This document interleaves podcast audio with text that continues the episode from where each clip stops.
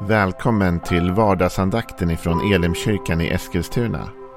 Det här är en podcast som kommer ut måndagar till fredagar. Om du vill veta mer om vilka vi är, vad vi tror på, hur du kan komma i kontakt med oss eller vad vi kan erbjuda dig för någonting så gå in på www.elimkyrkan.com. Får jättegärna gå in och likea vår Facebook-sida. Det är facebook.com elimeskilstuna. Eller så söker du upp oss på YouTube och då söker du på Elimkyrkan Eskilstuna. Vi vill jättegärna komma i kontakt med dig. Men nu lyssnar vi till dagens andakt. Välkommen till denna onsdag och vardagsandakten. Vi är inne i en, en vecka då vi på olika sätt kommer tala om Guds rike.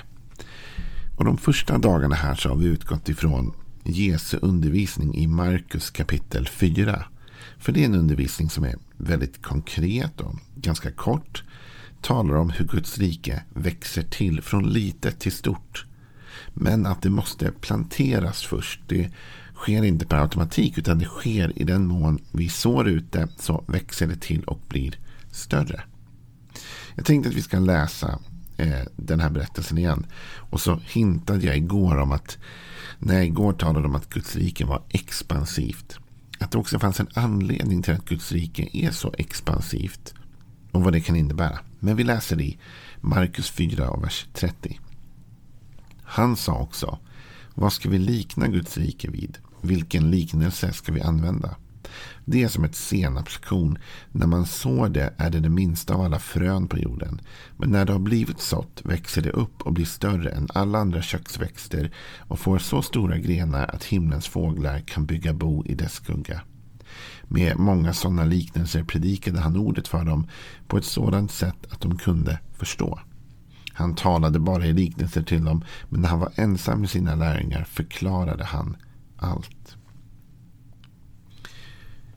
Jesus talar om att det här riket, det är som ett senapsfrö, sådär pyttelitet.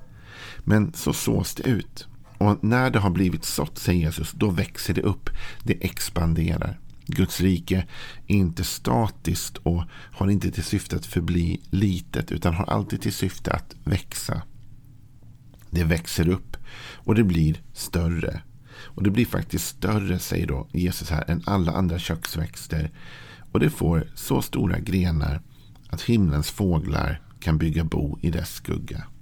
Det är en väldigt intressant resa från det lilla fröet till det stora trädet som ger skugga och skydd. Här har vi tagit oss en lång väg. Och säkert inte över en natt utan över tid. All växt, all tillväxt, all expansion har ju såklart eh, behöver tid. Frön vi stoppar i marken växer inte upp dagen efter. Jag vet inte om du som liten någon gång fick plantera något frö i skolan eller söndagsskolan eller vad som helst i någon liten burk. Och så bara dagen efter gick du dit och tittade. Har det vuxit något? Och det hade det ju inte. Det tar ju tid för det att växa upp. Eh, men likväl så tänkte man hela tiden nu, nu, nu. Men det tar tid för saker att expandera, att växa. Och det är ingen fara att det tar tid. Men målet är tillväxt. Och då kan man undra varför är det så viktigt att det blir större? Ja, det finns ju såklart många skäl till detta vad det gäller frälsningen. Inte minst att vi vill ju att människor ska komma till tro och om insikt om sanningen. Så står det faktiskt i Bibeln att Gud vill att alla människor ska komma till insikt om sanningen. Så det är vårt mål. Eh, och därför måste det expandera. För det är bara i den stad där jag jobbar och bor. Så är det jätte, jätte, jättemånga som inte vet vem Jesus är. Så därför måste Guds rike, Guds församling expandera och bli större. Men på ett mer personligt plan idag i den här andakten så vill jag berätta varför jag tror det är viktigt att du och jag vågar bli större. Och då tänker jag på en kommentar jag hörde en gång. Man pratar med någon och så pratar man om det här att ha lite eller mycket eller så. Och så är det någon som säger, ja men jag är nöjd. Bara jag har det jag behöver så är jag nöjd. Och det där låter ofta väldigt fromt. Det vill säga, ja, men jag är nöjd va? om jag bara kan betala mina räkningar och ha mat på bordet och värme och allt vad det kan vara. Då är jag faktiskt tillfreds. Det vittnar om en ödmjukhet och inte en girighet, eller hur? Utan man är tillfreds och det finns något väldigt, väldigt gott i att vara just tillfreds och lära sig leva med det man har. Men det är inte så ödmjukt. Jag har tänkt på det där en hel del. Och så har jag tänkt att om det är min inställning. Att leva livet så att jag bara har precis det jag behöver. Då finns det alltså inget utrymme hos mig att hjälpa någon annan. För att om jag skulle kunna hjälpa någon annan. Då behöver jag ju ha mer än vad jag själv behöver. Om jag bara har precis det jag behöver. Då kan jag inte hjälpa någon annan. Det här blev väldigt tydligt för mig och min fru när vi jobbade som ungdomspastorer. Eller när jag jobbade som ungdomspastor i Huddinge. Och vi hade flyttat dit och vi var ju ganska unga då. Vi hade inte världens liksom, bästa inkomster. Men vi var tvungna att försöka få tag i ett boende i Stockholm och det var dyrt. Och till slut fick vi tag i ett radhus i Stockholmsområdet och det kostade mycket. Och under den tiden som vi bodde där så kände jag att alla våra pengar gick till det här boendet och till att liksom bara klara av de vanliga kostnaderna. Och jag vet att jag sa till min fru efter det att så här vill jag aldrig ha det igen. Jag vill aldrig leva så tajt ekonomiskt att jag inte kan hjälpa någon annan. För jag hade redan börjat brinna för det generösa livet. Men nu fanns det inget utrymme för generositeten. För alla mina pengar, de var ju tvungna att gå till mitt boende, till mina räkningar. Och sen så var det liksom, fanns det inte så mycket över. Va? Och jag sa nästa gång vi köper ett hus eller någon, bor någonstans. Jag vill inte lägga allt på boendet. Jag vill ha pengar över att kunna hjälpa andra. Och det är ju det som den här texten handlar om. Att det här lilla fröet ska växa sig väldigt, väldigt stort. Så att, står det, det ska ha så stora grenar att himlens fåglar kan bygga bo i dess skugga. Med andra ord, det blir till gyn gynnsamhet, till välsignelse för någon annan. Helt plötsligt ger detta träd faktiskt en viloplats åt himlens fåglar.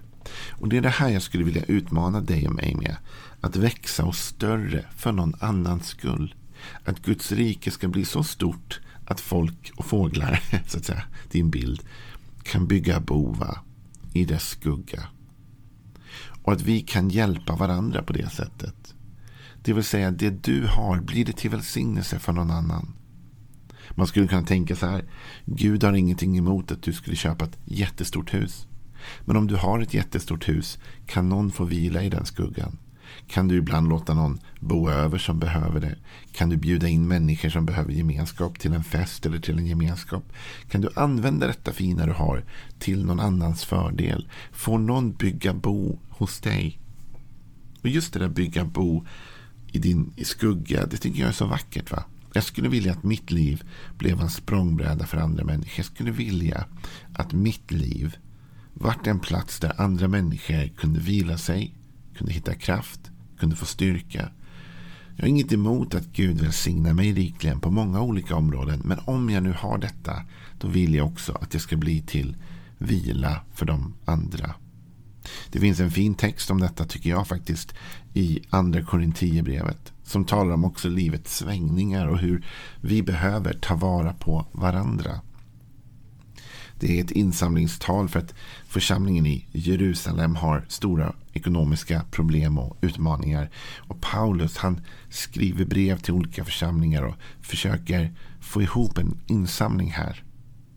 Och då säger det så här i, vers, eh, i Andra Korinthierbrevet 8 vers eh, 12.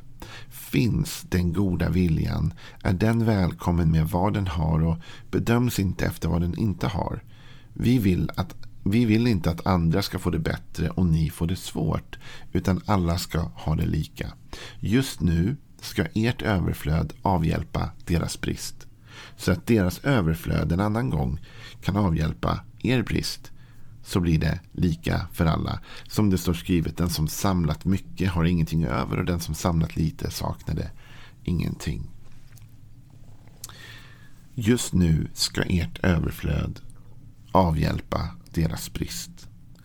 Om Gud ger dig mer, och nu är det här ett insamlingstal och just den här texten handlar om pengar. Men det här handlar inte bara om pengar. Utan vi kan ha ett överflöd av många olika saker i vårt liv. Du kanske har en väldigt kärleksfull familjemiljö och hem. Då är det ett överflöd av kärlek hos er som ni kan bjuda in någon annan i att få ta del av. Kanske äta ett mål mat vid ditt bord. Kanske få följa med din familj ut på något ni gör, liksom en resa, någonting, vad som helst. Bara för att få känna kärlek, gemenskap. Kanske är det någon som du ska bjuda in och fira nyår med dig. Nu är det långt tills dess, men du förstår vad jag menar. Eller något annat, va? Någon som sitter ensam. En del har överflöd på pengar, tid, energi, ork. Det finns massa olika saker vi kan överflöda av för stunden. Och då talar här Paulus om att när vi har överflöd av något.